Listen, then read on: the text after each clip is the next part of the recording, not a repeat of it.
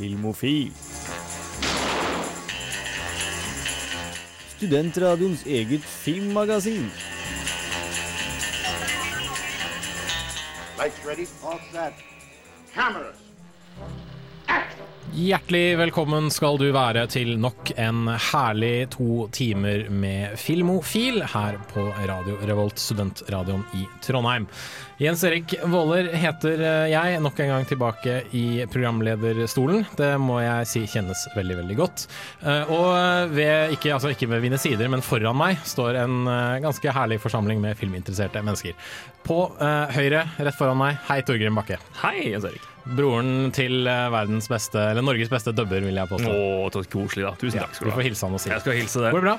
Det går veldig fint. Uh, litt Du og Christer hadde jo sånn derre Når katten er borte, danser musene på bordet-sending forrige uke, fikk jeg med meg. Ja, vi hadde det veldig gøy. Vi, altså, vi prøvde jo å følge litt danse sagt, etter de planlagte stega, men Ja. eh, vi dansa fint. Vi hadde det veldig gøy og snakka om eh, dataspill til film, som er et stygt kapittel i eller alle historier. Absolutt. Men nå er, er, nå er gamlefar tilbake i stua, så nå er det slutt på leken. Hei, Camilla. Hei! Går det bra? Ja! Du er klar for å snakke om film? Ja, veldig. Og rett ved Camillas side står Christer, fordi vi har kun fire mikrofoner i studio, men vi er fem her. Så vi må, vi må, jeg og Camilla kan ikke snakke munn på hverandre. Men da hjelper det at dere er like høye. Ja, vi er er stort sett det. Og så deler vi litt gjerne. Jeg liker stort sett det. Ja, Nå har jeg litt knekk i knærne mine. Og eh, De mest sist, observante lytterne. sist, men kortest, men ikke yngst, har vi Du får til Stine Du fikk det til. Går det bra med deg? Ja da, det går fint. Du har vært og sett på film du også denne uka? Yes, jeg har sett på film. Gode, gode greier. Uh, vi skal selvfølgelig gi deg det som er å gi deg av eh, kinopremierer uh, denne uka. Vi skal gi deg litt filmnyheter. Vi skal diskutere en litt kontroversiell toppliste, har jeg skjønt. Eh, vi skal selvfølgelig også gi deg ukas filmlåt og litt videonytt. Før den tid, Death by Onga Bonga, You're an Animal.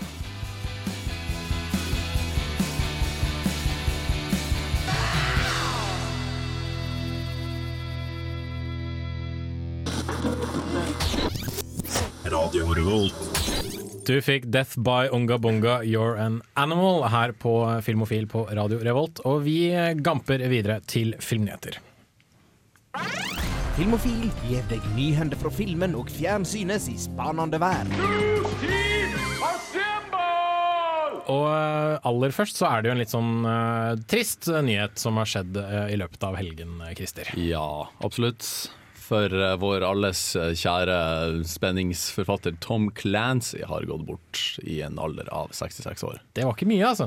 Nei, jeg syns det var overraskende lite når jeg så på en måte hvor, hvor ung han var. Og den mengden av ting han har produsert, så er det jo ja, det er imponerende. Han har, og skrevet, tragisk. han har jo skrevet en rekke bøker som har gitt uh, navn til uh, både dataspill og filmer. Altså uh, Some of All Fears, uh, blant annet. Eh, han eh, skrev jo Patriot Games, som har blitt gjort om til en film, så vidt jeg vet. Og Claire and Present Danger. Eh, det er jo i den her, den her Jack Ryan-serien hans som handler om CIA-agenten. Og han har jo blitt spilt av store stjerner innenfor uh, filmverdenen som Harrison Ford og Alec Baldwin og Ben Affleck har jo traktert i rollene her, så det er jo mange store navn. liksom gradvis sånn nedadgående skala på rekka. Vi tar ikke Ben. Affleck, Vi tar ikke Ben Affleck, har, gjort seg bra sist. Altså. Og absolutt ikke minst The Hunt for Red October. The Hunt for Red October, ja. Yes. Det er Det var min ganske Sean dårlige Sean Connery-parodi. Ja, men fortsatt. Det sier jo litt om hans en størrelse. Han, eh, men det er jo også eh, Jeg kan jo ikke helt si at det er godt nytt i det hele, men på en måte hans karriere, til tross for at han etterpå hadde gått bort, er jo på ingen måte over. Nei. Eh, Chris Pine, som vi kjenner som Captain Kirk i de nye Star Trek-filmene, skal jo ta over nå i Jack Ryan-serien. Det fortsetter nedover, altså. Det, Å, det var slemt. ja, og så kommer den siste boka i Jack Ryan-serien også ut i desember, samtidig som filmen. eh, Ja. Så, så det, ja. Så blir det sikkert flere videospill i fremtiden. Og Ja, altså Han ga jo navnet sitt til alt som har med liksom, hans krigsunivers å gjøre, så det vil nok være masse. Tom Clancy's Ghost Recon framover en stund også. Det var også veldig kjent, for han hadde jo navnet sitt på alle spillene. Ja, ikke sant? Selv om han kanskje ikke hadde så veldig mye med dem å gjøre. Nei. Men nei, det er kjipt. Navn- navnet selv i hvert fall. Kondolanser til, til familien hans, om ikke annet. Eh, videre, Torgrim, du har litt eh, dokumentarnyheter. Ja, vi prata jo sist uke når vi dansa fritt her for, for oss sjøl, i ferskinga. Så prata vi om en pris som gikk til Norge for Detective Downs da på Fantastic Fest-festivalen. Hvor eh, da, ja, Detective Downs-skuespilleren fikk beste, beste skuespillerprisen. Godt jobba.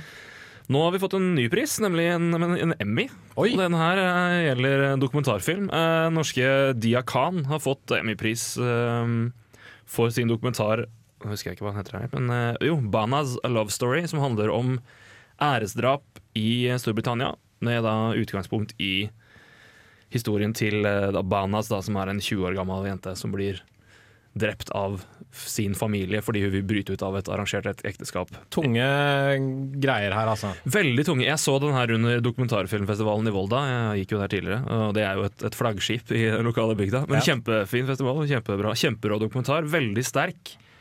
Eh, Og veldig veldig godt fortalt. eh, Og det er en, en eh, Altså det er en, følger hennes historie, men det er jo en såpass representativ historie for et problem som gjelder i mange, spesielt av kulturer i, i Storbritannia. Så en kjempefin dokumentar, og da en velfortjent pris, syns jeg. Da, for den var absolutt verdt å få med seg, så det anbefales. Og gratulerer. Ja, Velfortjent. gratulerer. Da kommer den kanskje på norske kinoer etter hvert. Håper det. Kristine, Ja. har du en liten eh, filmnyhet til meg? ja, kanskje litt uh, mer på den lyse siden. Jeg kommer an på hva slags type fan du er. Uh, det er en, ja, kanskje ikke en nyhet akkurat, men JJ Abrams har kommet ut uh, med at han angrer litt på alle disse velkjente lensflarene som dukker opp i alle filmene hans. Og Det at han lyset sa- kommer inn i kameraet. Altså, Ja. ja, mm. Han sa blant annet at han ofte tenker Han ser et shot og så tenker han Oh, this would be really cool with a lens flare. så, så han skjønner, han erkjenner det at, eh, at han går litt for langt noen ganger. Og jeg, jeg blir egentlig litt trist igjen når jeg hører det, for jeg, jeg liker lens flares. Noen ganger så er det litt mye, men jeg syns det gir en utrolig unik stil, og jeg er glad når jeg ser at det er JJ Abrams. Men nå må det nevnes at eh, Star Trek var ikke like jævlig på lens flare-fronten som eh, Super 8 var. Nei, jeg syns Super 8 var litt for døyt, for det passer liksom ikke helt inn der på samme måte som i Star Trek, for der ser du bare awesome ut. Nettopp. Sånn Instagram-filter fyller hele Super Ja, Ja. JJ Abrams filter, ja. Det var eh, første runde med filmnyheter. Vi fortsetter litt, eh, med litt mer etter at vi har hørt litt grann musikk. Her får du Blood Orange med Chama K på Filmofil.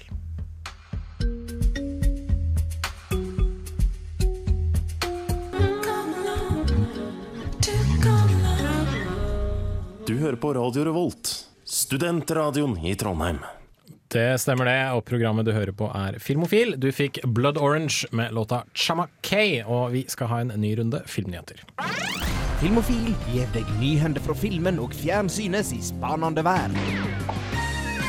Eh, Camilla, du Ja. har litt sånn superheltgreier på Ja. papiret ditt. Ja, det har jeg. Uh, I forhold til den nye X-Men-filmen som skal komme, eh, Days of Future Past. Mhm. Veldig veldig excited over det. Også er jeg super-X-Men-fan, og det vet jeg flere i rommet her. som Jeg er. absolutt en X-Men-fan, jeg òg. Jeg er likevel veldig skeptisk til den filmen. Jeg, synes, jeg tror det bare blir awesome, for å være helt ærlig. I hvert fall, da. Okay, ja. La meg komme til nyheten.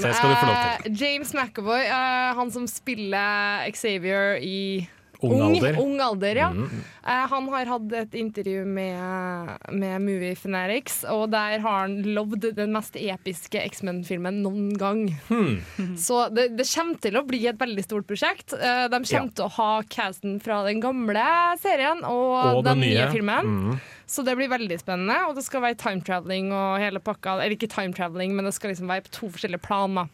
Det er akkurat det som, som gjør meg litt redd. Nei, det at det er to nei, tidsaldre og masse forskjellige skuespillere. Nei, og- det blir bare helt fuckings awesome. Uh, og så har jeg fått uh, Brian Singer tilbake ved roret, og det er han som tok og regisserte dem Mhm. To første to første filmene. Ja. Mhm.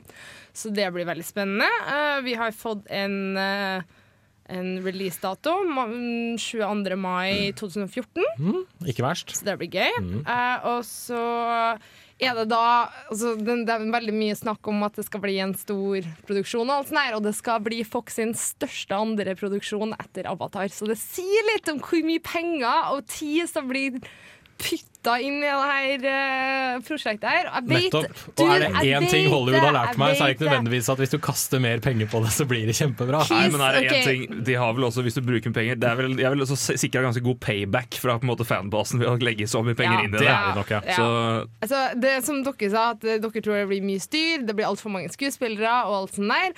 Men jeg tror at det kommer til å bli greit, i den forstand at de kommer til å Jo, det kommer til mye aspekter av filmen, men på samme måte som Avengers og alt sånt der, der også er det veldig mye aspekter. Jo, det er en enkel historie, vi snakka om det i stad, men det er fremdeles ekstremt mye handling, liksom. Det er sånn Du kan se filmen flere ganger, og ikke huske alt i, i filmen Uh, hver gang du ser den. Eh, og sånn tror jeg denne filmen kommer til å bli også. Og så tror jeg det kommer til å bli veldig mye ekstra for fanbasen som kommer til å bli gitt ut på DVD, i hvert fall. Vi får i hvert fall se hvordan det blir når filmen har kinopremiere i mai.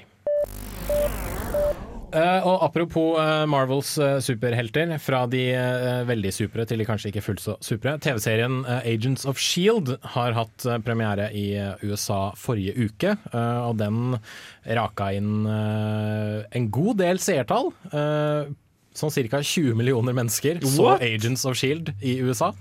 Eller kanskje ikke bare USA, da, men det er, liksom, eh, det er da med streaming diverse tjenester i tillegg. Da. Så den har hatt eh, ganske god oppslutning. Den har, altså. så dette er nok noe som vil vedvare en god stund, i hvert fall. Eh, nordmenn kan glede seg til 21. oktober, for da kommer den på norske norske TV-skjermer.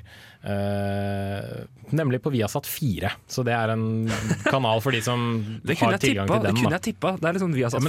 det De kunne også vært en sånn her, sånn, Nei, vi tar den på kanal pluss maks 5. Ja, det er sant. sånn. Det er sant. Kanal Pluss har jo eid på de der. der. Hvor liksom du må ha en sånn veldig sånn obskur kanalpakke for å få tak i Ja, men det. det er litt, men det er, det er litt for mye sånn superhelt og sånn flashy space-ting til at det kan bli det. Det er, det er der du på en måte finner det på Viasat 4. Det er der du må outer space. Ikke sant? Serien handler uansett om uh, Shield-agenter, altså byrået som uh, dukka opp i samtlige uh, Marvel-filmer til, eh, fra eh, Iron Man fram til og med Avengers. Og, diverse, og hva som da har skjedd etter Avengers-filmen, og diverse problemer de må uh, kope med. Eh, jeg har ikke sett den sjøl, men jeg hører at den er veldig veldig bra, så jeg gleder meg til 21. oktober. Det var det vi hadde av filmnyheter. Vi skal ha litt eh, kinopremierer, eh, anmeldelser, etter at vi har hørt Conscience, Ja Ja Love.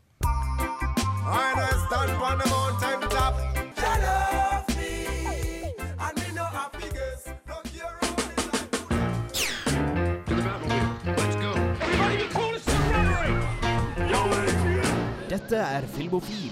Film, fjernsyn, skuespillere, kamera, action. Ja, rubb og stubb her på Radio Revolt. Torgny fikk du der. Grønn ekstra. Filmofil er programmet du hører på. Kanalen er selvfølgelig Radio Revolt. Eh, Før det så fikk du eh, låta Ja Ja Love fra eh, artisten som heter så mye som Conscience. Der, fordi det er, klart å scrolle opp skjermen riktig. Anywho, eh, vi er over på ukas kinopremierer. Først ut er en film med navn Mud, men som ikke handler om gjørme. Nei, eh, den gjør absolutt ikke det. Og det er en, eh, jeg kom jo inn eh, til den filmen her og visste egentlig veldig lite. Det var, og det er jeg veldig glad for. For det som jeg sier også i anmeldelsen, når man, når man forventer lite, så kan man ofte bli mest positivt overraska, og det ble jeg absolutt her. Da hører vi hva Torgrim har å si om Mudd.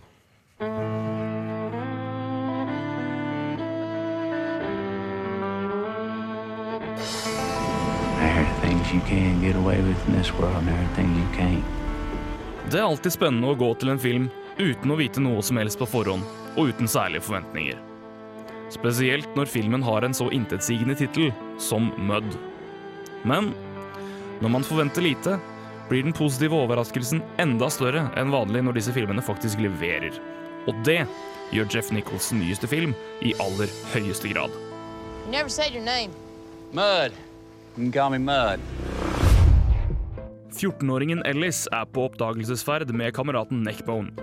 De er på vei til en øde øy for å finne en forlatt båt som er skylt i land i et tre etter en stor flom. Når de kommer fram, oppdager de at båten allerede er bebodd av den mystiske omstreiferen Mudd.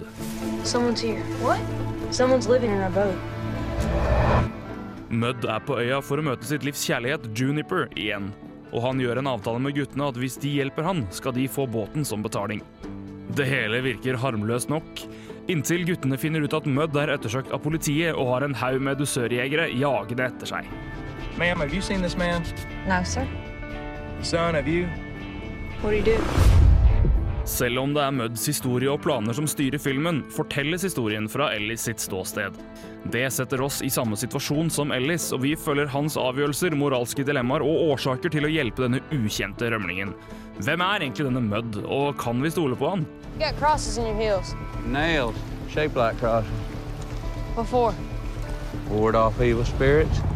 Samtidig dukker det opp ting underveis som hjelper oss å forstå ungguttens valg. Familien er i oppløsning. Moren vil skilles og flytte fra husbåten der Ellis har vokst opp. I tillegg starter Ellis en noe komplisert flørt med den litt eldre jenta May Pearl. Måten Nichols løser dette på er meget bra, og jeg merker jeg må ta stilling til en del ting selv. Svarene dyttes ikke ned i halsen på meg med en overtydelig teskje.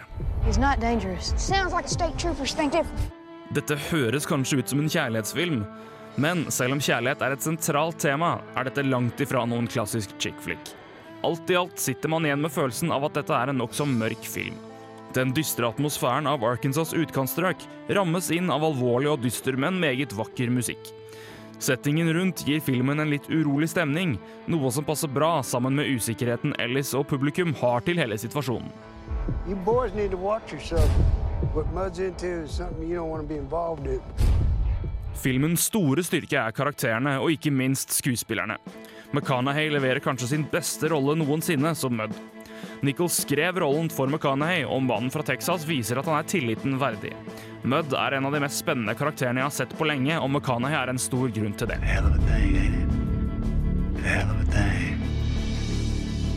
Samtidig er Ty Sheridan et veldig positivt bekjentskap som Ellis. Unggutten har en vanskelig karakter, men gjør en strålende jobb gjennom hele filmen. Jeg tipper vi vil se mye av Sheridan i årene fremover. Den eneste som skuffer her, er Reece Witherspoon, som ikke helt klarer å bringe liv til sin karakter Juniper, selv om det skal sies at hun omtales mer enn hun deltar i selve filmen. Så for å oppsummere. Mudd er som et moderne, smådystert Mark Twain-drama i utkantstrøkene Arkansas langs Mississippi-elvens bredder. Og som den mektige elven bugner handlingen seg gjennom forskjellige hindringer i et trygt og rolig tempo fram mot målet. Kanskje litt vel rolig til tider, men allikevel har Mudd såpass stor dybde at den klarer å holde på interessen gjennom hele filmen. Dette er en film som bør dukke opp når det skal nomineres til Oscar i januar, spesielt når det gjelder mannlige skuespillere. Terningkast fem.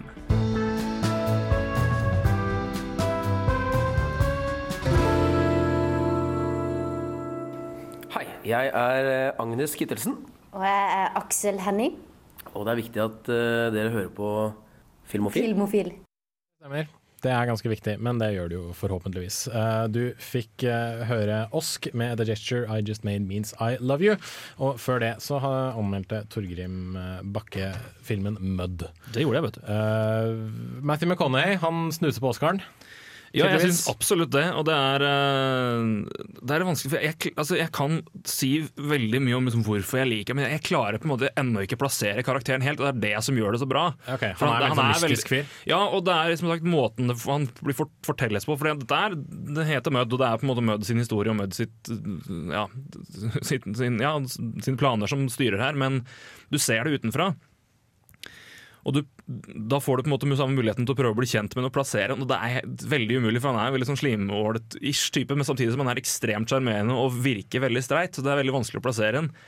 Og jeg husker jeg satt i, i salen her sånn, etter sånn, scene, sånn tredje scena med Matthew McConaughey, og da har liksom han sagt sånn fem setninger. Tenkte, Han er skreddersydd for den rollen der. Den er skapt for Matthew McConaughey. Og så fant jeg at den ble jo det. Han skrev Jeff Nichols skrev jo, som han skrev i manus og er regissør, skrev rolla for Matthew McConaughey. Og det er eh, Den passer så bra. Han er liksom low-key og spiller veldig mye på sånn charm. Uh, og som, samtidig så er han Nei, jeg, jeg liker bare han i den rollen så godt. Det er bare en så nei, Det faller så på plass. Altså. Jeg må bare si en liten ting til, uh, til forsvar av anmeldelsen din, faktisk. Mm. i forhold til, fordi at Jeg er en person som aldri har vært noe spesielt begeistra for Matthew McConaughey. Mm. Jeg syns at den har vært sånn klassisk skal, spille kjekkasen og alt det, og blitt sykt lei av henne, rett og slett. Mm. Men jeg har sett uh, første del av filmen, jeg også. Sykt bra, det jeg så. Uh, vi begynte å se den klokka to på natta, og jeg har dessverre mista mine evner til å holde meg våken og se film etter vi var med i Scandinavian Film Championship, så nå sovner jeg. Uh, og så har jeg sovna etter en og en halv time. Men, men det jeg så, var veldig, veldig bra. Og for alle sammen som er litt skeptiske til Matthew McConaughey, så, så, så tror jeg det her er en, en film som kan øh, omvende dere. For han er jo en sånn der, Han har jo vært en skuespiller sånn veldig det siste som alltid har spilt liksom Fløtepusen. Ja. Ja, Den litt sånn, sånn halvsørstat-fyren som har liksom glimt i øyet. Ja, her er en han ding helsørstatsfyren med liksom. glimt i øyet, men samtidig veldig veldig mye shady på Han har okay. veldig mye på skogen, for du oppdager altså Det ruller jo liksom på mer og mer. Det er det jeg mener med at altså, du har lag nok. For den det går sakte i filmen. Det det, det, det er ikke sånn at det er noen kjempeaction-ting. Det er noen få ting altså, hvor han er, han er jo jaga, så det dukker opp et par situasjoner hvor det er litt dramatikk.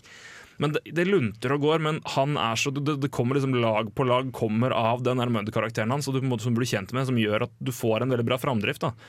Og han er en du, du klarer liksom du, du liker han så godt hele veien, for han er, han er så charming. Han har det, der, har han det glimt i øyet, men der er han en kjempesørstatsfyr. Hmm.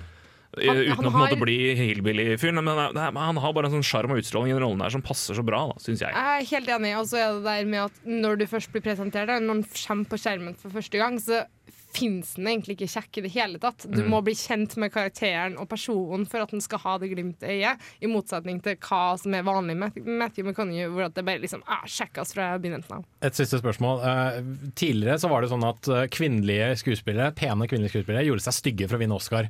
Er det blitt noe sånn at pene mannlige skuespillere må gjøre seg styggere for å vinne Altså, han, Oscar? har jo, han har jo løstenner i filmen, faktisk. Han, Han har det. det. ja. uh, og han, er jo, han har jo kun da, Han har jo én skjorte som han bruker i hele filmen, for det er den skjorta som han har fått av en indianer eh, noe chief. Som uh, har et ulveøye sydd inni seg, forteller han. Altså, han er på en måte beskytta mot alt, så han uh, trenger jo Hvis han må gi fra seg pistolen eller skjorta, så tar han pistolen, for da er han safe med skjorta her. Mm. Det er sånne ting da, som han driver og syr av seg. Men Nei, men Han er en, en utrolig fascinerende karakter, og, um, som da driver filmen videre. Men igjen, det er, mye, det er mye bra her, og jeg kan ikke understreke Ellis å være en kjempekarakter. Og Ty Sheridan et strålende talent som jeg håper får se mye mer av videre. Altså. Veldig veldig godt å høre. En klar anbefaling der altså, fra Torgrim Bakke. Mødd Dra og se den. Mud har kinopremiere på fredag uh, i Trondheim, og for så vidt i resten av landet også.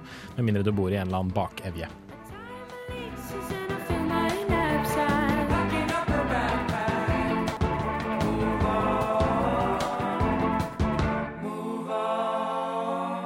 Hei, det her er Josten Pedersen på Radio Revolt. Radio Revolt, 12 points.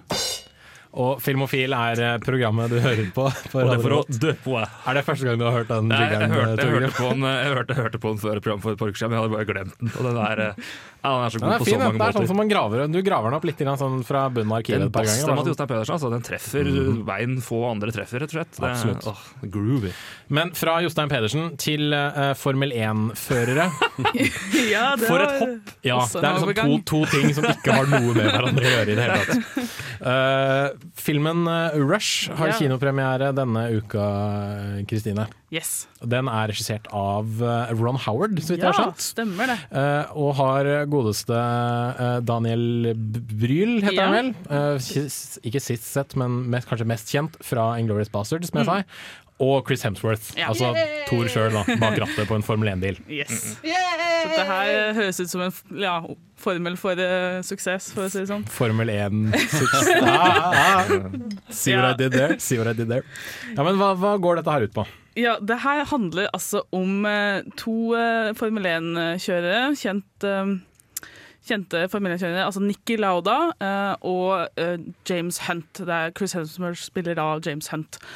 Uh, og det handler, fokuset er på dems rivalisering på eh, 70-tallet, og vi får sånn tilbakeblikk da med Nicolauda Lauda og, og, og James Hunt. Begge har sånne narrative stemmer, sånn at vi hører hvordan, eh, ja, hvordan de begynner på i Formel 3 og går over til eh, Ja, det er sånn Tenk Ah, ok, Okay, fotballdivisjoner! Finnes det faktisk Formel Altså- 3000 og Formel 3, for det er, sånn divisjoner du går opp på. Ja. Så Formel 1 er ja, toppdivisjonen. lærer- lærer. Samtidig som at du har uh, Yes. NASCAR Indycar, som er det andre type divisjoner. der. Ja, så det Lærer- her lærer dag. sports. Fortsett, Kristine. Fortsett. Ja, og så hvordan de ja, er rivaler og begge prøver seg på eh, World Championship i uh, 70, uh, 76, ja. Mm. Eh, og så da skjer da den kjente ulykken til Nikki Lauda på på Nürburgringen, som er en av de mest krevende uh, racene i Formel 1. Eh, I hvert fall på den tida var det det. Så dette, er, dette handler om rivaliseringen mellom disse to. Da. Yes, og det er uh, Det er mye kjøring, men det er mest uh, liksom, disse to personlighetene som er så Ja, sånn, sånn speilbilder av hverandre. Altså det her, han Nicolada er kjent for å være liksom, profesjonell og veldig nøye, og han regner prosentene av faren som er i, i sporten, mens uh, James Hunt er liksom, altså Kallenavnet hans var uh, Hunt the Shunt, fordi han var liksom sånn bare, bare kjørte på, rett og slett, og han var veldig sånn kjørtejeger. Han liksom, var kjent for å ha sex rett før race og bare liksom være litt sånn Det er partyboy. Det er rockestjernen mot navn som kommer veldig veldig påfallende på her, føler jeg. Men det er rockestjernen mot det tekniske geniet. Ja, det er absolutt det. Og jeg kan Fisher ikke mot hva heter sjakkduellen her òg. Det er mye gode 70-tallsdueller med Ja. genier og sånn. Absolutt. Så det, det Det er jo er, en, en sann historie der. Det er jo, ja, det er det. Absolutt. Eh, Det skjedde. Men jeg vet ikke hvor mye mm, som de følger nøyaktig, da. Eh, For Ron Harvard han, han liker jo å lage filmer basert på sanne historier, men det er ikke alltid han følger, følger nøyaktig hva som skjer. Eh, Men den, Det meste som har skjedd så resultatmessig, sånn, det er vel, altså, det, for det kan du bla opp og se. Så, Ja. jeg så jo, dette var jo egentlig filmen jeg skulle se, men så ble den flytta til Som egentlig vi begge var glad for, for du ville jo se Rush. Ja, for jeg er Eh, Formel og Mud 1-fan, var kjempebra, men eh, det virker som om den er, at den er ganske tro. Men det er klart du tar jo noen kreative altså med, ja. Det må det. Ja, det må det. Uh, og, men så har vi jo altså Nick Lauda er jo ennå i live, så han, eh, jeg håper at han har i hvert fall sett den. Og jeg har ikke lest noe om hans uttalelse om det, men eh, det, skal, det skal jeg absolutt leite etter i senere. Eh, og den Ja, det er, det er Det er mye som sagt, det er mye action fordi det er en Formel 1. Eh, Så jeg føler at jeg må liksom ta det Jeg må anmelde den som en Formel 1-fan og som en filmfan. Så det er eh, to litt okay. vanskelig, da. Da skal du få lov til å gjøre det etter at vi har hørt Alalas med 'Every Girl'.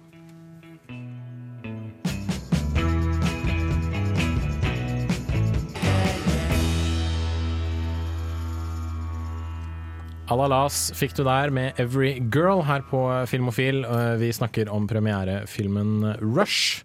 Én En av to filmer eh, denne uka som har ett ord som tittel. Eh, Tidligere i programmet snakka vi om 'Mud'. Denne gangen er det 'Rush'. Eh, Formel 1-film. Yes. Eh, du Altså du tilnærmer deg filmen på to måter. Som Ja. Formel 1-fan og som Ja, filmtilhenger. for det må jeg, fordi eh, ja, altså Som Formel 1-fan så veit jeg jo på en måte hva som kommer til å skje. Eh, Jeg vet jo, jeg kan historien selv om jeg ikke var i live på når Nicolada kjørte, kjørte Formel 1. Så, Mm. så kan jeg jo historien om hans eh, ulykke, og jeg vet, jeg kjenner navnene, og jeg kan systemet, på en måte. Eh, så det er mest bare å få sett en kjent historie bli eh, fortalt av disse veldig flinke skuespillerne, og på en veldig god måte, som Ron Howard jo kan. Mm. Uh, mens hvis jeg prøver å se det på som en filmfan, så får jeg dette, eh, liksom, er dette her spennende nok for en som liksom, lurer på hva som kommer til å skje? Liksom? Da får jeg en litt annen uh, opplevelse, da. Okay. Uh, fordi hele filmen er jo veldig bra lagd. Her er det, altså det er Ron Howard. eh, han er god, eh, men han er liksom ikke noe som Han- han aldri har ikke sin en- egen stil. Nei, det det. Han lager bare veldig gode filmer Mhm. som du ikke nødvendigvis kommer til å sitte og tenke på Mm. i lange tider etterpå. Eh, så ja, mest av alt så syns jeg denne filmen greier å gjøre ting veldig spennende med liksom, musikken. Det er jo Hans Zimmer som lager musikken, og du har sånn Nå er det, liksom, nå er det action, nå er det superraskt, og da er det veldig gøy. Og så er det andre scener hvor det er liksom mer sånn disse to personenes filosofi mot livet og mot kjøring, ikke minst. Hva er, det i, hva er det som gjør at de vil sette seg i en bil hvor de har 20 sjanse for å dø Mm. uh, før de er ferdig med racet? Det er liksom, liksom to forskjellige typer mennesker da, som gjør det her. Og det, det syns jeg er veldig spennende som en Formel 1-fan, men kanskje, kanskje de som ikke veit noe om Formel 1, blir kanskje OK, nå vil vi ha mer action, liksom.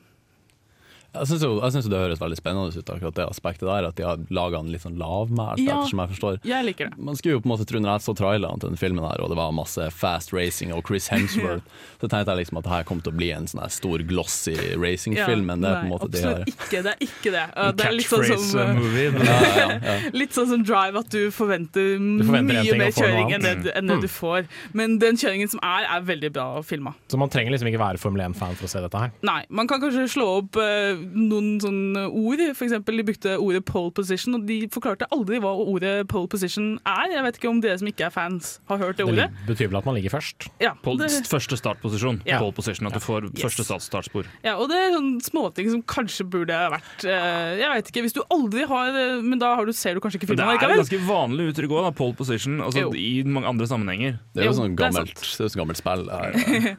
Yes, så det er, eh, ja. Men den er, den er som sagt veldig bra laget, og jeg liker at disse to er sånn er så liksom motsatt av hverandre, og Chris Hemsworth spiller veldig. Han greier den derre macho, men sensitiv greia, for, som han gjør i Thor òg. At han, han kan være helt liksom, gæren og ligge med kjerringer hver kveld, og sånne ting, men så samtidig vise dybde, og det, det er veldig bra. Du skal få lov til å hive et uh, terningkast. Uff, det er veldig vanskelig. Uh, den er sånn vippe mellom fire og fem, men jeg føler at den er bare ikke sånn veldig minneverdig nok til å få en femmer, da. Så det blir en fire. Sterk firer, i hvert fall. da. veldig sterk fire. Uh, sterk firer der, altså, til Rush uh, på kino på fredag. Løp og se den. Her får du Rhapsody med Lonely Thoughts.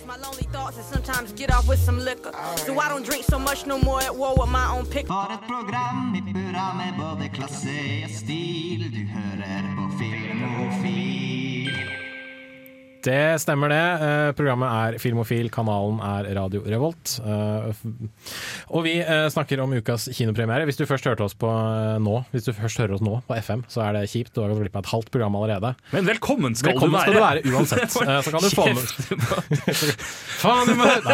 Kom deg på nett! Eh, men du kan høre på podkasten vår når programmet er ferdig, selvfølgelig. Det anbefaler jeg veldig. Eh, Christer skal få lov til å snakke, introdusere anmeldelsen hans av eh, Gåten Ragnarok. En av de mest påkosta norske filmene i eh, nyere tid, vil jeg påstå. Ja, den er vel det.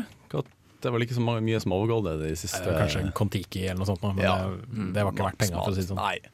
Om dette er verdt pengene, det får vi jo svar på nå. Det dere må forstå, er at Oseberggraven er helt annerledes enn alt annet vi har funnet. Gåten Ragnarok prøver å selge seg inn som en norsk Jurassic Park eller Indiana Jones. På filmens flashy plakat står det norske skuespillerstjerneskuddet Pål Sverre Hagen, og poserer i lag med den norske skuespillerstjernen Nicolai Kleve Broch. Og i en stor, ornamentert logo midt i bildet står filmens tittel i beste Da Vinci-kodestil. Dette er de eneste runene vi fant i hele skipet. Litil maler. Menneske vet lite. Ja, da jeg gikk inn i kinosalen visste jeg lite om filmen, bortsett fra at Gåten Ragnarok er en av årets store norske filmsatsinger. Og så sannelig, gjennom de første minuttene av filmen frykta jeg at dette kom til å bli, om ikke en stor, i hvert fall en kjempenorsk film. Hovedpersonen Sigurd, spilt av Pål Sverre Hagen, en lavmælt arkeolog og spesialist på vikinger. Han fremstilles som distré og fraværende med hodet helt andre steder enn der det til enhver tid burde være. Han er alenefar for barna Brage og Ragnhild, da familien for noen år siden mista mora i huset til kreften. Sigurd lever derfor ikke i fortida bare hva Norges historie angår, men også hans egen.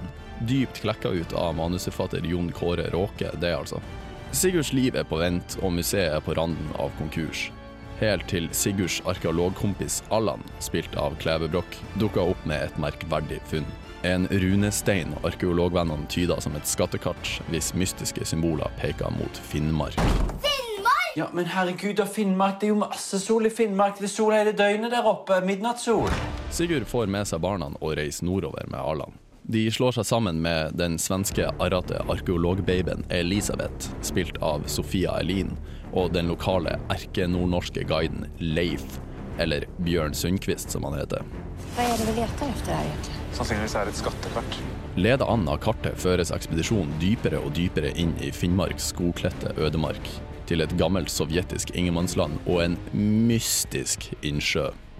Filmen skal angivelig basere seg på en del uløste arkeologiske vikinggåter, men det tar ikke lang tid før manuset viker unna for reinspikka eventyr. Ragnarok. Tror du på eventyr? Men eventyr og eventyr, fru Blom.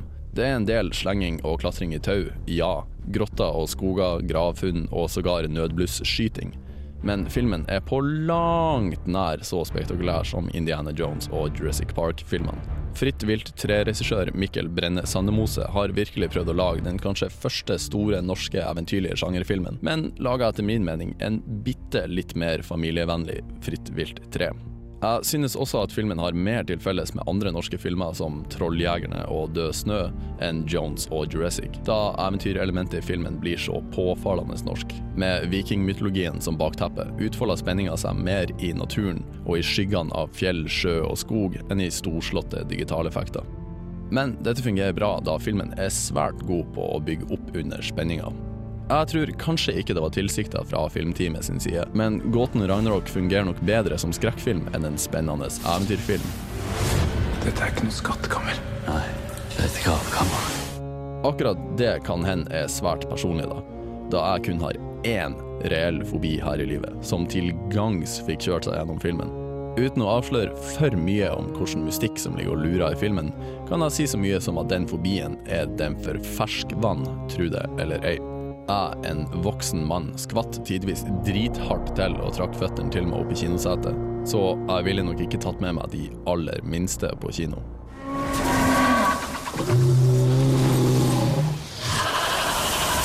Med det sagt, jeg likte filmen. Tidvis svært godt, og tidvis mindre godt, men sånn er det jo ofte med norsk film. Alt i alt en frisk satsing i den norske filmhøsten.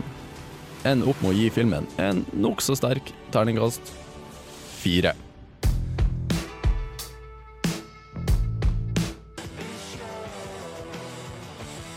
Hei, dette er Nikolai Kleve Broch. Eh, Jeg vil bare si, hør på Filmofil, så får du med deg mye bra stoff om film. Du fikk eh, Arctic Monkeys eh, Arabella. Før det så anmeldte Christer gåten Ragnarok. Og, ja, norsk spenningsfilm. Jeg syns det er kult at, nordmenn, at Norge i det minste forsøker å liksom, ta tak i liksom, vikingarv og sånt og gjøre noe, noe spennende ut av det. Eh, og Det var jo sånn à la det de gjorde med Trolljegeren. Jeg syns det er kjempe, kjempestilig. Uh, men uh, det ble en firer til slutt, Christer. Altså, jeg må stresse at det er en sterk sterk firer. Jeg, jeg mener at på en måte Grunnen for at den ikke driver og jobber på femmeren, er fordi at jeg, jeg føler at de bomma på den sjangeren som de prøvde å levere. Mm. Altså er, de prøver, altså, jeg så et intervju med han, han, eh, han Pål Sverre Hagen og Nicolai Kleve Broch, og de snakka om at de var veldig stolt med å ha levert på en måte den første virkelig eventyrlige sjangerfilmen. Litt sånn Indiana Jones. Det står jo på plakaten òg, det her liksom Jurassic Park og alt. Mm. Men det er ikke det. Og, og spenninga i filmen er ikke sånn her eh, Altså, den, er, den tar veldig sånn av, og det er mye sånn action og mye løping og rømming og gjennom skog og alt mulig. Og, men det er på en måte, hele magien i filmen ligger på en måte i den langsomme, dvelende spenningsoppbygginga der, som, som de gjør veldig bra. Og noe jeg syns er på en måte en sånn styrke i mye sånn norsk spenningsfilm, for det er ikke noen andre som tør å lage sånne dvelende filmer i dag. Vi har blitt sånn bortskjemt med skrekkmomenter og effekter og alt det der, så det var jeg syns den var frisk, frisk satsing. Ja, nei, for å si, uh, ut, fra hva, ut fra hva jeg har sett av bilder, og sånt, så er det en del uh, Det er liksom veldig mye sånn storslåtte spesialeffekter uh, ute og går. Det er noen sånne vesener som de møter ja, det- uh, under, bakken eller inni et skip eller hvor det nå enn er. Ja, det, Jeg vil helst ikke avsløre for mye av hvor ting utspiller seg, for det var, det var spennende. Men se, ser det bra ut? Det ser veldig bra ut. Det gjør det, ja. Eh, det ser kjempebra ut. De har vært utrolig flinke, og det er jo tydelig at budsjettet har båret frukter. Mm. Altså, altså, de her eh, tingene som dukker opp underveis eh, som er animert, og sånn her, det ser mye bedre ut enn enn dessverre skuespillerne gjør i løpet av filmen. I hvert, hvert fall i begynnelsen så hadde den en litt sånn seig, typisk norsk filmsak der de skulle levere den her sånn kinkige familiesituasjonen og sånn her. eh, De, de må liksom spytte inn litt grann drama. ja, litt sånn en Erlend Loske, forvilla mann i en, en litt sånn usannsynlig posisjon, på en måte. Altså, det ble Han hadde ikke bankebrett i tillegg. Han hadde ikke bankebrett. Han hadde et sånn arkeologisett der han satt og skrapa på gamle vikingruner og en sint sjef og litt sånne her ting. Så det var mye Det var litt sånn her, det var en del feller de gikk i, men på en måte det, som, det er en spenningsfilm, og spenningspremisset leverte de dritbra, så jeg tilgir de, de på en måte det litt der Det er, det er kanskje litt et skritt i riktig retning for liksom, norsk sjangerfilm utover liksom, romantiske komedier og liksom, sånn sosiale dramaer. Ja, altså det er måte, De har sneket inn sosialrealisme, men de har pakka det på en måte De har pakka det inn i ekstremt mye fine effektbruk og spenningsfilm. Så, det, så på en måte, jeg håper det her peker i en retning, fordi at vi trenger mer sånn dristige satsinger. Så det er, liksom, det er ikke helt Indiana Jones, men det er uh, Et steg si, i riktig retning. Indiana Jones om han var uh, gift med to barn. Ja, og norsk. Ja, norsk. Ja, norsk. Det er noe sånn erkenorsk over det der. Ja, men Det høres ut som en eh, jeg, jeg personlig har vært veldig spent på den filmen, så det høres ut som en, en, en anbefaling fra deg, i det minste. Ja, definitivt. Jeg, altså, jeg nevnte jo at jeg har jo den ferskvannsfobien min, så det tror jeg den ble til gangs melka i løpet av filmen. Mm. Jeg tror den syns var skumlere enn mange andre kommer til å synes. Da. Jeg vet ikke om du kan sammenligne kan kanskje ikke sammenligne filmene, men jeg, i forhold til den, altså, å bygge på arv og sånne tidlige ting, så er det litt kanskje Norges svaren på Arn-filmene fra Sverige. Og klarer eventuelt da å følge opp den posisjonen de har hatt. da. Ja, ja kanskje. Altså, men Arn tar vel for seg samtiden i det den utfolder seg. Jo, så ja, stemmer. Det blir litt annerledes. Men... Så, så det er på en måte, det, jeg, jeg liker veldig godt de, litt sånn Da Vinci-kodepek der de prøver å sette seg inn i den mytemystikken, her, men, men premisset ble ikke levert nok. Altså, det, det som står igjen, er spenninga. Liksom. Spenninga ute i skauen. Liksom. Det er der det ligger. Det høres jo absolutt spennende ut. Ja. ja. Eh, Terningkast sterk fire der altså, Ja, til gåten. Ragnarok eh, har- har kinopremiere denne uka. Her får du Yo-guttene. Pengene går domere. Jeg har euro i de lommene, kroner i bankene. Mitt skip er lastet med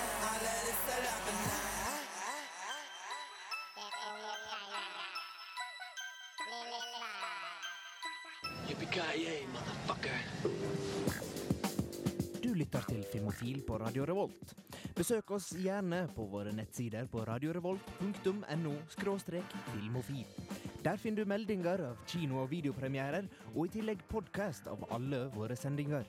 Har du ris eller ros, tips eller triks, kontakt oss gjerne på elektronisk post.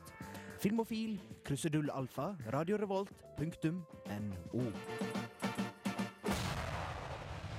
Off fikk du der. What's next? Før det så fikk du så mye som Yo-guttene med 'Pengene går domare'. Eh, Etter hvert så skal du få ukas eh, filmlåt, men før det så eh, Altså, da jeg kom inn på, på Lukasbygget i dag, som vi sender radio fra, så hadde jeg fått med meg at jeg kom inn sånn akkurat etter at en stor, stor, stor diskusjon hadde visstnok pågått inne på produksjonslokalene til Radio Revolt.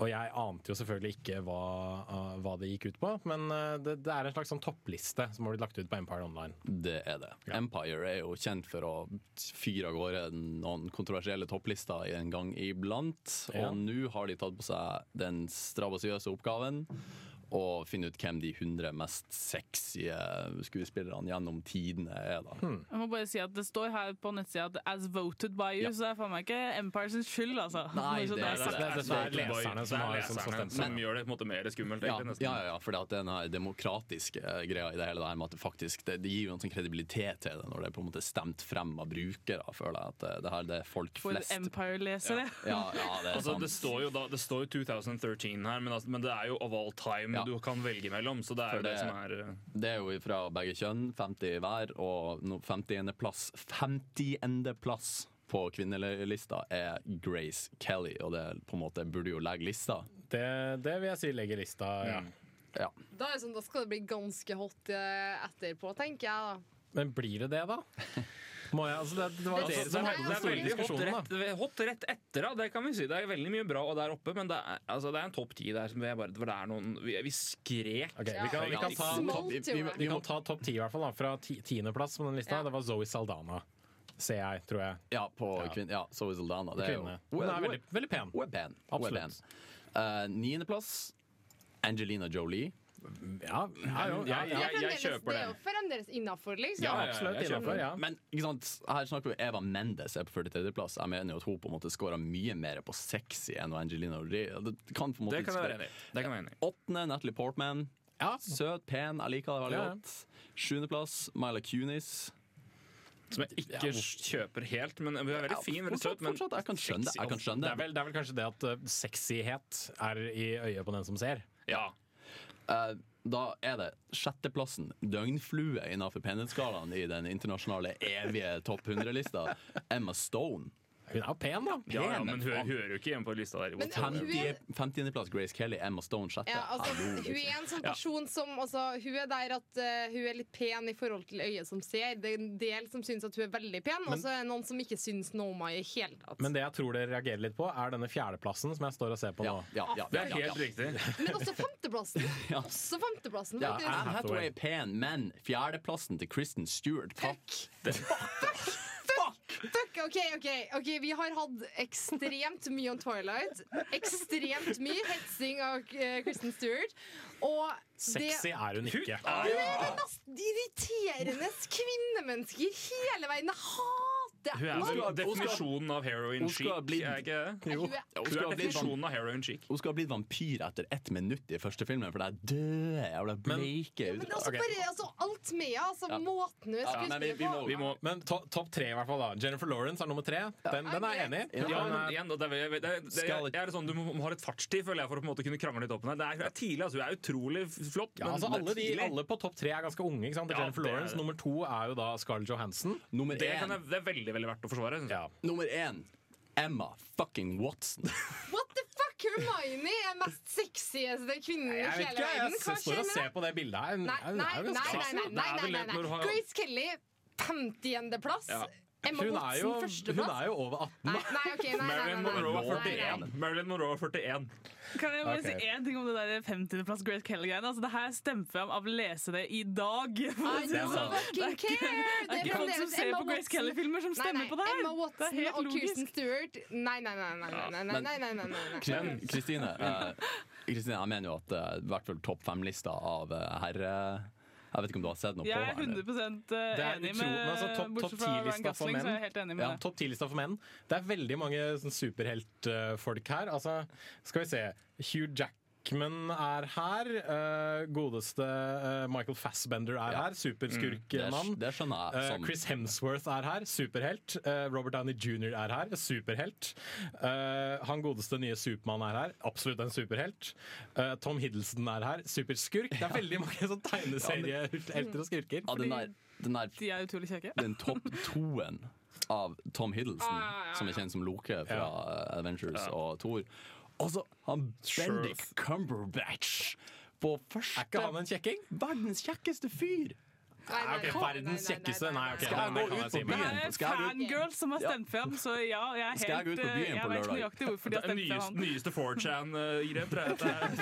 Det er faen ikke han. Er det sånn å forstå at hvis eh, Benedict eh, Cumberbatch og Emma Watson hadde blitt kjærester, så hadde Det er de liksom Sherlock and Watson, Nei, nei, hallo! nei, nei, nei, nei. Da, hadde de, da hadde de blitt Sherlock and det Watson. diggeste paret i hele verden. Sherlock and Watson all the way. Come on, Da gir jeg deg heller Mr. og Mrs. Smith med Angelina Ja, det er Jolie det- og det er det Brad mest Pitt. sexy paret Som Liksom. faktisk er et ja, det er, De er et jeg begynner å lese Empire. For jeg Angelina bare Jolie i det Jolie i den filmen er Kristina har stemt fram den lista.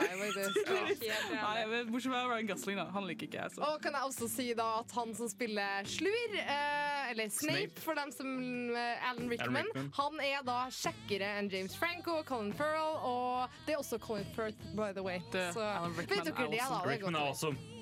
Han er awesome, men han er ikke så digg, liksom.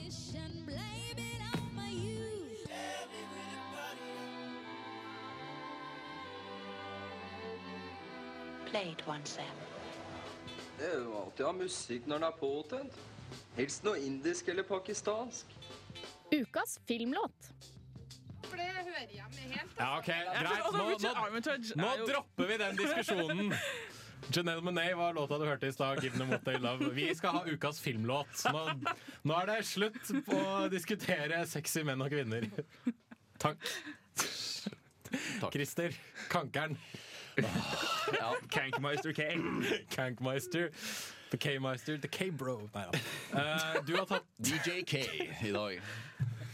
du har tatt med ukas filmlåt. Eh, Ja, har jeg egentlig det? Jeg har juksa. Jeg juksa. Du, du, du ba meg legge den til Ja, jeg gjorde det. Men Kristine, Kristine, du juksa jo her forrige gang du hadde filmlåt. Ja. Så jeg tenkte jeg skulle bare definere hva juks faktisk er for noen ting.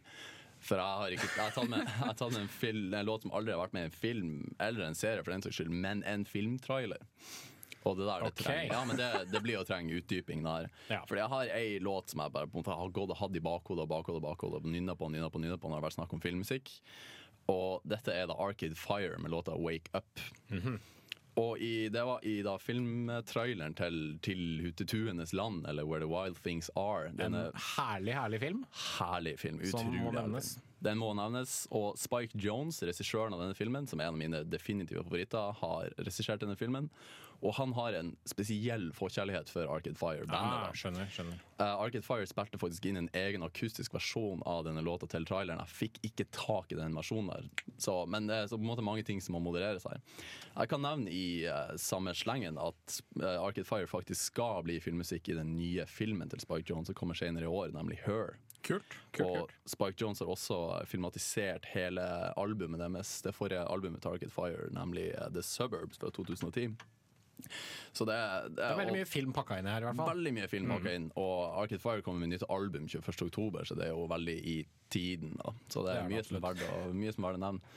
Uh, soundtracket til Where the Wild Things Are er liksom veldig samme gata som denne Wake Up-låta her, så det kan, det, man kan høre på det soundtracket òg, men aller helst se filmen, for den er helt uh, Absolutt. Helt briljant. Uh, ukas filmlåt altså, Arcade Fire, Wake Up. eh, fra traileren til Where the Wild Things Are.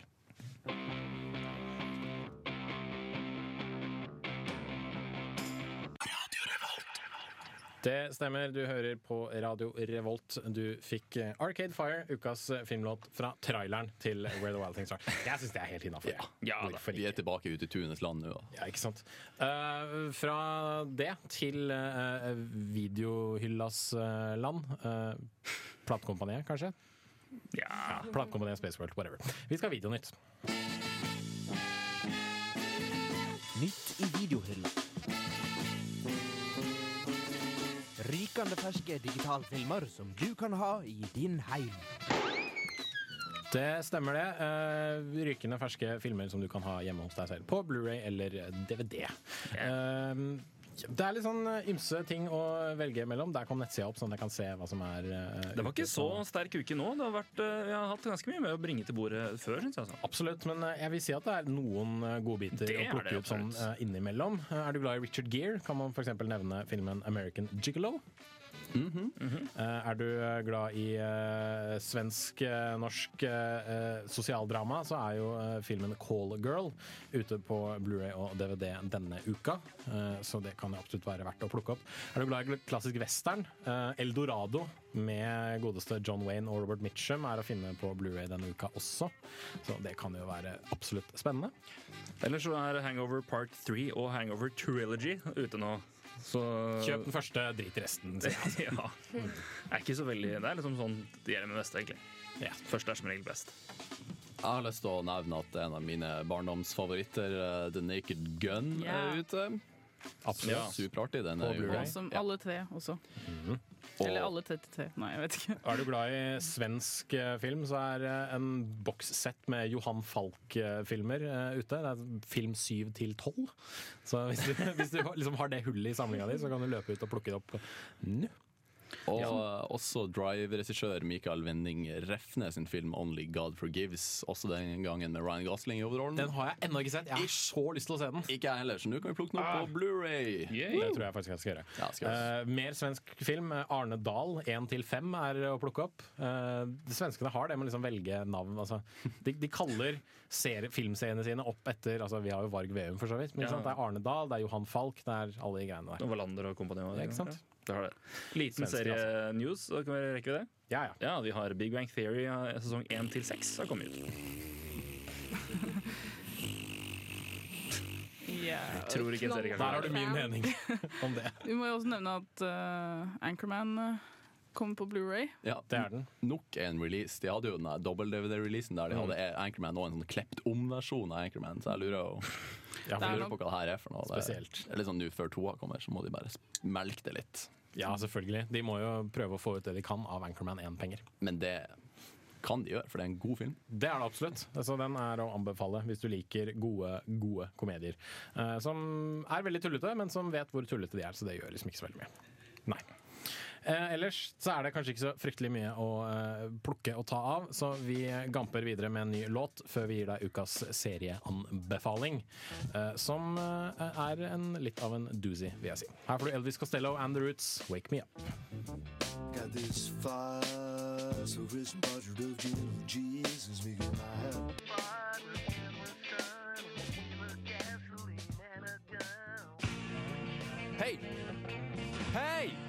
Det er ikke 90s sitcom-flashback. Ta og Skru på noe annet.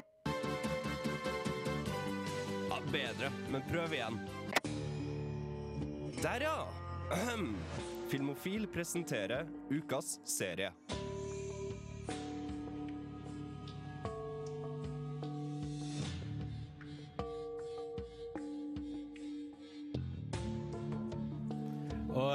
Der, ja. Der var mikrofonen på. De som eh, kjenner igjen eh, disse tonene, eh, vet kanskje at ukas TV-serie dreier seg nemlig om Breaking Bad, som nylig ble avsluttet i USA med hva skal jeg si, brask og bram. Ta altså demp litt, grann, tekniker. Um, ja, hva skal man se på nå i USA? Nei, det vet man ikke. Men den har jo blitt opp gjennom årene siden 2008, er det vel, eh, hyllet som noe av det aller beste på TV. Nettopp fordi det er noe av det aller beste som har gått på TV i det siste. Ja, hva er, altså, jeg vet jo svaret, da, men hva er det med Breaking Bad som gjør at folk blir så utrolig glad i det? Vi begynner hos Kristine. Eh, det jeg synes som er fascinerende med Breaking Bad, er denne ideen om at denne utviklingen til hovedpersonen, da, at du går fra denne fyren som du egentlig heier på. Eh, han er en lærer som gjør jobben sin, og så får han kreft, og så er det skikkelig kjipt. Men så etter hvert, sakte, men sikkert, så blir han denne helt andre personen. Altså, det er utvikling til, til de grader i en serie. Altså, det skjer ting som har ordentlige konsekvenser. Det er ikke bare med det samme hver sesong. Og akkurat det der er jo et nøkkelelement, fordi at vi har jo kommet inn i en tid nå der TV-serier er TV-serier i seg sjøl er jo et av de mest fascinerende mediene som har vokst opp i populær, eller kommet frem fra populærkulturen de siste, de siste ti årene. Og, men du har på en måte de her lange, dvelende eh, seks, sju, åtte sesongsepisodene der du ikke har noe karakterutvikling. Og det er rart at et menneske ikke skal ha en utvikling. Jeg tror blant annet Dexter har blitt kritisert en del for det at det har gått syv sesonger, og så har egentlig ikke karakteren Dexter forandret seg noe særlig. Ja, jeg vil si meg litt uenig i det, men altså, litt, men ikke så mye. Det er Sånn proporsjonalt, fortsatt, liksom. ja, proporsjonalt med hvordan situasjoner disse personene blir satt opp i. Så, så er på en måte Breaking Ja, ja. Bad er på en måte sånn epokegjørende siden å faktisk tørre å ta en karakter som folk blir kjent med, og bare snu helt om på det. Mm. Og ta med seg seerne inni der. Og jeg har jo dessverre datt av på sesong eh, tre og en halv, eller noe rundt der. Jeg er selv midt i sesong tre. Ja, eh, Det er en stund siden jeg har sett på serien, men jeg, de, de første tre sesongene er helt briljante. Og jeg hører jo av folk som følger med fortsatt, at de neste sesongene er om ikke like bra, i hvert fall bedre. Uh, den, er, nu, den nest tredje siste episoden fra siste sesongen, den er Ozymandias, har uh, skåra ti av ti på IMDb, og det er den høyeste rata mm. TV-serieepisoden. TV-serieepisoden noensinne. Det er Liksom. ganske godt jobba. Men jeg må også kred, for jeg har ikke sett Breaking Bad. Jeg, har, jeg, har spart, jeg skal spare at jeg har godt Alt med tid. For her, jeg, vet at jeg, jeg kjenner meg sjøl så godt at hvis jeg først begynner å se den serien, så kommer jeg til å trenge en uke for å se den i strekk. Eh, Jeg så to sesonger med Dexter på tre dager, for eksempel. Sånn. Så, men jeg, men det, jeg synes det er kredd, for det virker som om de har kutta mens det fortsatt har vært bra, veldig bra, og, mens det på en måte har vært og ikke, og ikke på en måte pumpa ut der. For det er, blant Dexter blant annet, har gjort litt det at den kunne vært avslutta mye før. Mm. Og egentlig Veldig mange serier kunne vel det. Det er vel Har Lost et eksempel på det. Eh, Absolutt. Prison Break er vel et Absolutt. klassisk eksempel som var skrevet for to sesonger, og man slengte på to sesonger fordi det tjente penger. Mm. Og de levde jo på ingen måte opp til det tidligere. I hvert fall det jeg har lest, og jeg har ikke sett serien, dessverre. En annen ting som jeg synes er veldig fascinerende med serien, er at uh, du har som sagt den der moralske fordervelsen hans som går veldig sakte, men sikkert. Men alle har liksom sitt eget punkt der de mener han liksom aldri kan snu tilbake. Ja. Uh, hvor de selv liksom skjønte plutselig at han ikke lenger var den helten som han begynte som. Og jeg har snakket med flere folk, og alle har liksom sin scene hvor de liksom forsto det. Og jeg elsker at alle har en egen opplevelse når de ser på denne serien. her. Kjapt spørsmål. Har man redefinert litt sånn antiheltrollen her?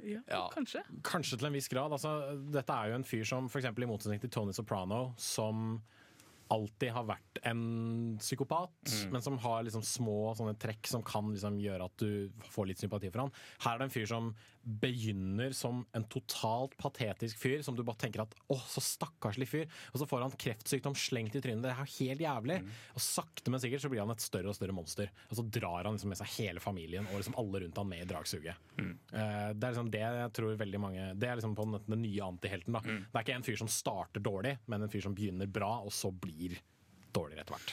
Mm. Det tror jeg. Ja, helt enig i det. Altså, Modig serie, altså. Modig serie. Ja, Den gjør noe som ingen annen serie egentlig gjør akkurat nå på TV. Det, den at den, den bare Og nå gjør den ikke lenger, for nå er den ferdig. Ja, nå gjør den ikke lenger. Tre, siste, det er kjipt. siste episoden kommer i hvert fall eh, på TV i Norge om ikke så altfor lenge. Det er vel sånn mot slutten av oktober på maks, mener jeg. Eh, Så få med deg den hvis du har eh, mulighet. Jeg skal ta igjen alt som er på Netflix, i hvert fall. Og så kose meg med siste sesong og se litt hvordan det går. Eh, Vi går dessverre tom for tid, men vi skal ha litt mer musikk før vi avslutter. Her får du Rytmeklubben Mentok and Me.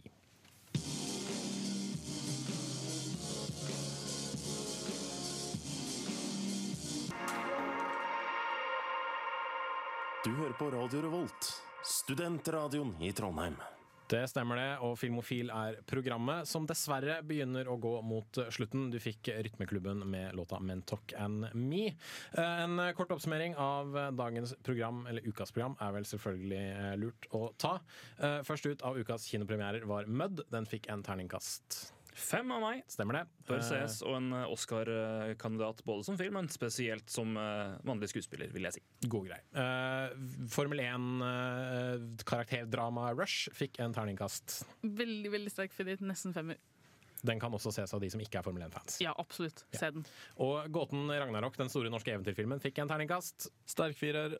Og vi snakker om Oscar. Vi kan også snakke om Amandaprisen, som denne sikkert blir å høste noe av. Tre meget gode filmer du kan eh, se på kino denne uka. Det er ikke dårlig. Det er absolutt ikke dårlig. Uh, ukas TV-serieanbefaling har vært Breaking Bad. Vi snakka om den som om du allerede har sett den. Uh, hvis du har det, veldig bra. Hvis ikke, så må du se den, så skjønner du hva vi snakker om. og uh, så får vi egentlig bare si på gjenhør til neste uke. Og du kan jo for så vidt også ta med deg et aldri lite visdomsord fra gudfaren. Leave the gun, take the cannoli. Her får du Banks Warm Water.